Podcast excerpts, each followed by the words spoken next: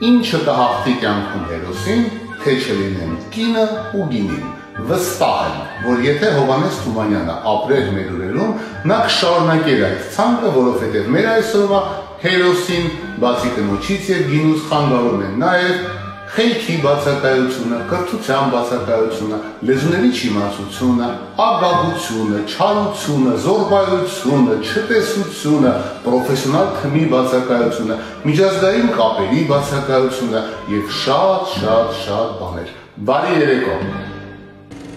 Վստահ եմ դուք եք նկատել, որ Նիկոլ Փաշինյանին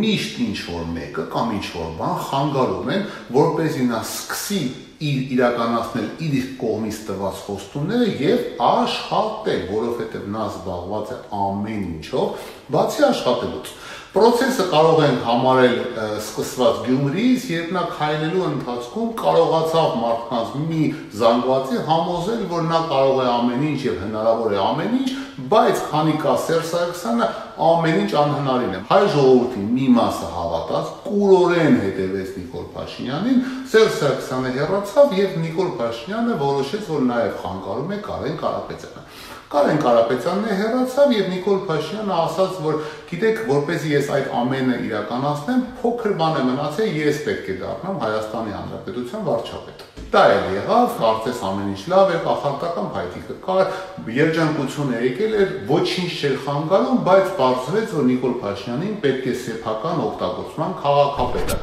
Կան սպիտակ ուժեր եւ կան սև ուժեր։ Վերջ ասֆալտներին։ Ամբովանդակ խոսակցությունների արդյունքում ընտրեցին մի մաս ընտրողների ընտրեց Հայկին, որի համար ես Հայկին շնորհավորում եմ, իսկ Երևանցիներին եւ Երևանին ցավակցում եմ հայտնի պատճառներով ինչերից է որից հետո Նիկոլ Փաշյանը ասաց վերջ, հիմա արդեն գալու են ուրեմն ներդրողները, սկսվեց ինչ որ ակումբներ, հիշում եք, մարդիկ էին գալի, ասում էին, որ մենք այո, մենք հիմա գալու ենք, Նիկոլ Փաշյանը ասաց, որ գիտեք, ես ստանում եմ հարյուրավոր զանգեր, ներդրողները ուզում են գան միլիարդավոր դոլարներ են գալու, բայց Դրա համար ինձ պետք է իմ սեփական օգտագործման ազգային ժողովը, որտեղ չկա ոչ մեկ, բացի մարդկանցից, որոնք կամ իսկ կորորեն լսում են, կամ ուղղակի վախենում են ինձ հակաճապել։ Եվ ուրեմն մարդիկ հավատացին, հիշում եք, շրջապատեցին ուրեմն ազգային ժողովը, ազգային ժողովը լուծարվեց եւ ընտրեցին մարդ ընտրողների մեծամասնությունը, կրկնում եմ, ընտրողների մեծամասնությունը ընտրեց աննախադեպ քանակով ուրեմն իմ քայլականներին եւ մնացած մարդկանց, որոնք չեն ուզում խանգարեն կամ չէին ուզում խանգարել հեղափոխությունը այսպես կոչված։ Կարծես ոչինչ չէր խանգարում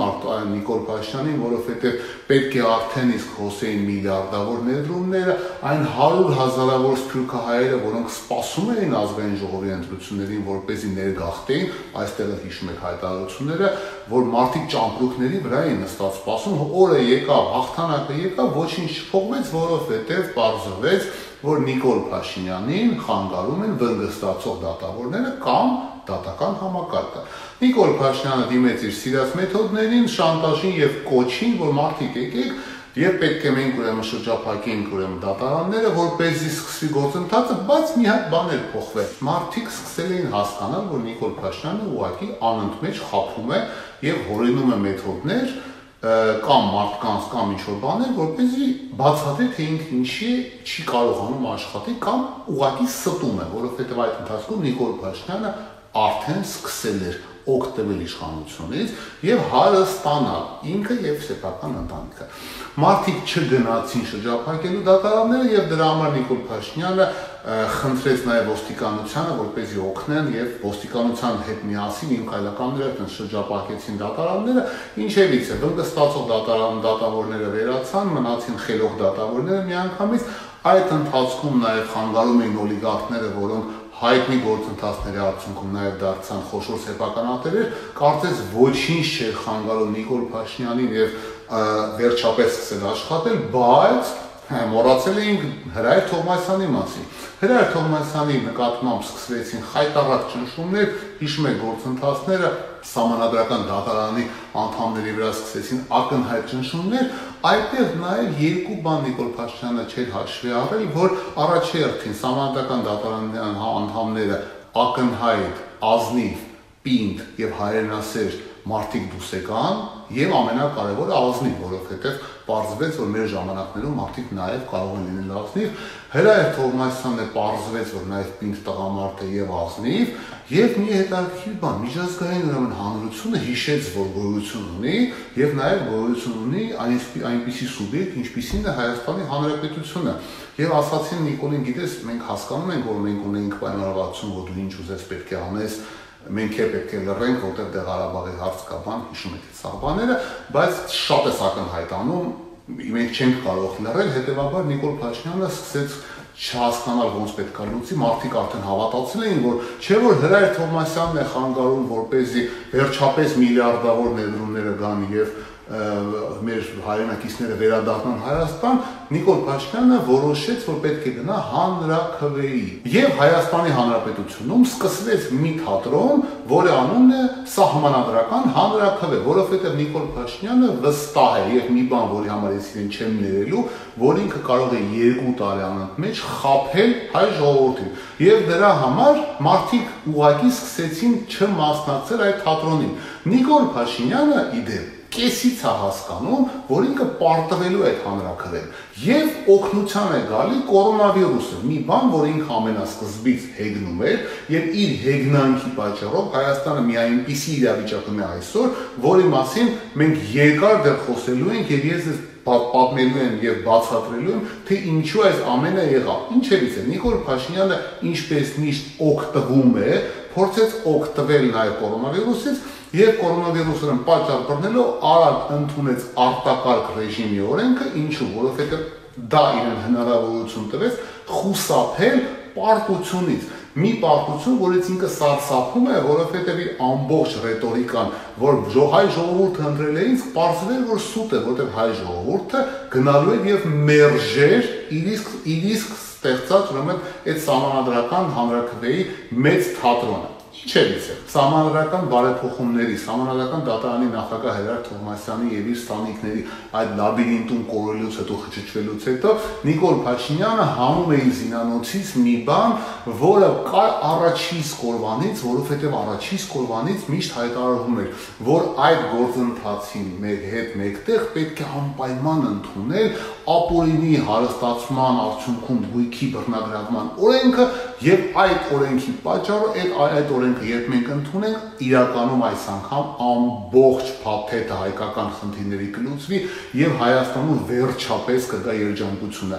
Եվ հենց մենք այդ օրենքը ընդունենք, միանգամից փյուրքահայերը, մեր հայրենակիցները, որոնք երկու տարի ճամփորդների վրա նստած են, մի կերպ կա ծովերով, լողալով կհասնեն Հայաստան։ Ադրբեջանի ժողովուրդը, ամբողջ ժողովուրդը կդառնա իրենց նախագահի պես կառուցողական եւ կիրթ։ Միանգամից մեր պետական վարկը կզրոյանա, չգիտեմ, բոլոր խնդրը ռուսական գազը միանգամից կդառնա զեղչով 65-70%-ով քիչնեն բոլոր գները գազից մինչև էլեկտրոէներգիա թալանված միլիարդները կվերադառնա ամեն ինչը կա մեզ պակասում է այդ օրենքը այդ օրենք այդ օրհնյալ օրենք այդ կախարդական փայտիկը որը պակասում է արդեն ընդունված է որի համար ես բոլորիս շնորհավորում եմ ինչու եմ շնորհավորում որովհետև վերջապես Նիկոլ Փաշինյանը իր զինանոցը դատարկել է եւ չունի էլ ոչ ոք եւ ոչ մի բան եւ ոչինչ, որովհետեւ ինքը ոչինչ չի կարող անել, որովհետեւ այդ մարդը ուղղակի չի փորձում անել, նա մենակ լցնում է սեփական գրպանները։ Իսկ ո՞նց է լցնում սեփական գրպանները, ես հիմա կպատմեմ մեր խոսակցության երրորդ մասում, որովհետեւ դա ամենահետաքրքիր բանն է այսօրվա։ Ժողովուրդ ջան, ուրեմն հիշում եք, չէ, որ ես իմ առաջի տեսաուղերձում պատմեցի ձեզ, ձեզ թե ինչպես է Նիկոլ Փաշյանը փորձում ինձ հետ պայմանավորվել։ Հիշում եք, չէ, որ դրանից հետո մեծ աղմուկ աղաղակ ուրեմն սկսվեց, ինձ մեղադրեցին ամեն ինչում, բայց չհերկեցին փաստը։ Հիշում եք, չէ, որ դրանից հետո սկսվեց ուրեմն մի գործընթաց քրեական գործ են փորձում հարուցել, փորձում են ներքաշել բոլոր տիպի մասնակիցներին եւ փորձում են ին վրա կարել սուտ մատնության ուրեմն հոդվածը։ Ժողովուրդ ջան, ես վստահ եմ, որ դուք գիտեք, որ պայմանավորվելու փորձ եւ փորձեր եղել են ոչ միայն ինձ հետ, այլ բոլորի հետ Եվ այդ պատմությունը 100%-անոց ճիշտ է, որովհետև կան մարդիկ, իսկ այդ մարդիկ շատ ավելի շատ են, քան նրանք, որոնք չեն պայմանավորվել, որոնք մի անգամից մի օրում օրինակի համար դարձան օլիգա ատելի օլիգարխներից, Օրինակ, համար կառուցողական եւ խոշոր սեփականատերեր։ Դուք տեսնում եք նախկին թալանչի ռեժիմի մասնակիցները, ոնց մի օրում դառնում են լուսավոր հեղափոխականներ իհարկե ճակերտներում։ Դուք տեսնում եք այդ մարդկանց, որոնք սիրունիկ տեղավորվել են նոր իշխանությունների ուրեմն գրպանում կամ սրտում, որը իդեպ նույն տեղում է գտնվում։ Դուք այդ սա գործընթացը տեսնում եք, հետեւաբար տեսնելով այդ ամենը դուք գիտեք, թե ինչպես է ամեն ինչը կազմակերպել։ Ես ուղղակի վերջի շտրիխ ավելացրեցի։ Հիմա Նիկոլ Փաշինյանը հասկանալով որ ուղղակի խայտարակել են, հրահանգել է դատախազությանը եւ ուրեմն քննիչներին, որ เป զի ին վրա կարեն քրսուտ մատնության քրեական գործ։ Ես խորհուրդ եմ տալի բոլորին արագ դա կազմակերպել, որովհետև քիչ ժամանակ է մնացել, դուք պետք է հասցնեք, բայց հետո խնդրում եմ ձեզ մենակ չասեք, որ գիտեք մենք դե չէինք կարա չանեինք, որովհետև դե մեզ ասել են կամ ինչպես արդեն հիմա ընդունված է, ես գիտեմ որ շատերը ձայնագրում եք հանձնարարականները, արեք միակ բանը, որ ձեզ փրկի կոգնի, որովհետև դա պետքական է։ Ինչևից է, գնանք առաջ, երկրորդ կետով ուզում եմ ասեմ, որ քրեական գործ հարուցվեց այդ առաջի տեսանյութի վերաբերյալ, բայց չհարուցվեց երկրորդ տեսանյութի վերաբերյալ, որը վերաբերվում է ուրեմն մաքսանենք ինքնաթիռի, որովհետև Հայաստանից բարձվում է հնարավոր է մաքսանենք ինքնաթիռ ուղարկել եւ դրա մասին նույնիսկ քրեական գործ չկա։ Ինչու չկա, որովհետև Պեկ փոխնախագահը սարսափած զանգարել է իր տիրուհուն եւ ասել է, որ եթե հանգարց ինձ հարցակնեն, ես տալու եմ անուններ, հետեւաբար ինձ թող չհարցակնեն։ Իսկ Պեկ փոխնախագահը նաեւ գիտի, քանի որ նաեւ գոնե թե գիտի օրենքները, որ եթե նույնիսկ ինքը տա սուտ ցուցմունք, հետո այս սա խնդիրներով մի հատ ինքը դատվելու է սուտ ցուցմունք տալու համար, որ այդքան հաճելի չի։ Իդեպ մարդկանց քանակը, որոնք գործընթացի մեջ թաթախված են, շատ ավելի շատ է եւ ես ստացել եմ հետաքրքիր նորությունները, որը կփոխանցեմ ոչ ուրեմն կախյալ լրատվամիջոցներին, որպեսզի նրանք հետաքրքիր հետաքնություններ անեն։ Բայց այսօր ես խոսելու եմ մի հետաքրքիր եուրիչ դեպքի մասին, որը նորից խոսում է Նիկոլ Փաշինյանի միջազգային ուրեմն մաֆիոզ համակարգերի մասին, որովհետև Նիկոլ Փաշինյանը ներքաշել է Հայաստանը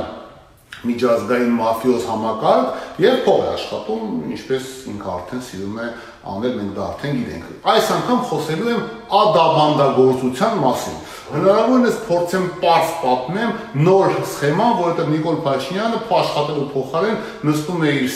սիրելի ուրեմն օլիգարխիկ ընտանիքի անդամների հետ նստում մշակում են նոր համակարգեր, որի մաս է կազմում նաև Հայաստանի Հանրապետությունը իր միջազգային հեղինակության հաշվին։ Սխեման հետևյալն է. Հայաստանի Հանրապետություն մաքսանենք ճանապարհով այստեղ նորից բարևում ենք մեր Շուշաննա Ներսիսյանին, ներմուծվում են ադամանդներ Հնդկաստանից Հնդկաստանից ներմուծում են ադամանտներ, տարվում են հայտնի 2-3 գործարաններ, որտեղ ուրեմն դառնում են դրանք հայկական, որովհետև էկոնոմիկայի նախարարությունը պարտավոր է տալ ուրեմն ամբողջ փաթեթը փաստաթղթերի, թե ոնց դրանք դարձան ուրեմն հայկական եւ հայկական կվոտաներ են ուրեմն տալի այդ ընկերությունները եւ հայկական կվոտաների ներքո այդ ադամանդները հնդկական, որոնք դարձել են ուրեմն հայկական, արտահանվում են երկրներ։ Եկեք թե դեռ չասենք, որ երկրներ ինչքան, հայկական ցենց ասեմ, հայկական կվոտաներով արտահանվում արտահանվում են երկրներ առանց նույնելու ոչ մի հալ, ոչ մի մաքսային հալ, ոչինչ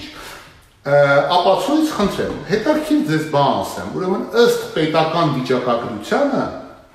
Հայաստանը 20 թվականի առաջի երամսյակում ունեցել է ավելի կամ ուշադիր 20 միլիարդ որպեսզի դու այդ 20 միլիարդի ադամանդները կարողանաս աշխատես, ստեղծես, ինչպես ասում են, polish անես, փայլեցնես, կազմակերպես այդ գործընթացը ըստ միջին, ուրեմն ստատիստիկ տվյալների Հայաստանում պետք է լինեն ավելի քան 1400 աշխատող։ Թիվը իրականում աննախադեպ է, իդեպ տնտեսական էքսպորտի թիվը եղել է 8-7%, հետեւաբար դա շատ-շատ շատ զգալի է մեր ամբողջ ուրեմն տնտեսության մեջ։ Բայց հետաքրքիր բան կա, որ Հայաստանում կա գրանցված ոչ ավել կամ 400 մասնագետ։ Հետևաբար դա անհնարին է այդ քանակը, այդ քանակը անհնարին է անել եղած մարդկանցով։ Ավելացնել մի բան է, որ ձեզ համար բարձ լինի, որ Հայաստանում որպեսի դա անել պետք է լինեն ուրեմն մեծ գործարաններ, այդ գործարանները պետք է սպառեն մեծ էլեկտրոէներգիա, հարկ պետք է տան 1400 հոգու համար եւ այդ ամենը չկա։ Կա մենակ մի թիվ, որ Հայաստանից արտահանվել է 20 միլիարդի ադամանտ եւ ոսկի դուք պատկերացնում եք, չէ՞ թիվը։ Հիմա այդ համակարգը ստեղծված է եւ ղեկավարում է Նիկոլ Փաշինյանի կողմից եւ Նիկոլ Փաշինյանի ընտանիքի կողմից, որովհետեւ այդ մարդիկ կազմակերպել են Հայաստանի միջազգային հեղինակության հաշվին միջազգային մաֆիոզ ներմուծման եւ արտահանման համակարգ։ Ժողովուրդ ջան, ես մի հատ բան եմ ուզում ձեզ ասեմ, որը շատ ուզում եմ լինեմ ազնիվ Դուք հասկանում եք, չէ, որ միջազգային պարտներները Հայաստանի, որոնք տեսնում են, որ օրինակ եմը մի օրում Հայաստանից գալիս է այդքան քանակի ադամատ։ Մարդիկ ապուշ չեն։ Եվ մարդիկ սկսել են արդեն Նիկոլ Փաշինյանի կառավարությունը հարցեր տալ, բայց ադամանդերը որտեղից եկան։ Ոնց ստեղծեց այդ համակարգը, ինչու չկար դա։ Այդ 3 ամսում ոնց դուք 20 միլիարդի ադամանտ արտահանեցիք։ Իդեպ ես ինչ որ ձեզ պատմում եմ կա պետական վիճակագրության թվերի մեջ։ Ես խնդրում եմ Նիկոլ Փաշինյանին, որ իր մութ եւ զզվելի ընտանեկան բիզնեսները, գործերը փորձի գոնե անել Հայաստանի Հայաստանի ներսում իրականում նա անում է դա կլուբնիկայի պատմությունները կան, պաշտպանության նախարարության հաշվին ինչ որ բաներ սախ սաղացնել կա, այդ սաղ process-ները կան, բայց նրանք շատ վատ են, բայց գոնե մեր մեջ է, որտեղ երբ որ դուք արդեն փորձում եք դա անել սահմաններից դուրս, դուք բացի որ խայտարակ եք անում մեզ, մեր երկիրը սարքել եք երրորդ երկիր։ Դուք նաև հետագայում այնպիսի խնդիրներ եք ստեղծելու, որի տակից մենք ենք դուրս գալու, ժողովուրդն է դուրս գալու։ Հասկանում եք։ Հետևաբար ժողովուրդ ջան, ասելով այս ամենը, մեկը վստահորեն ասում եմ, որ լինելու է շատ-շատ լավ։ Երբ մենք պրծնենք Նիկոլ Փաշինյանից ու իր մաֆիոզ ընտանիքից, ում հետ իհարկե հույս չպետք է կապել, որտեղ իրենց հետ ամեն ինչ բարձր իրենք անհույս են, բայց հույսները մի կտրեք, որտեղ Հայաստանին իրապես վստահորեն ասում, սպասում են լավ ապագա։ Աստված մեզ պահապան։ Լավ եղեք։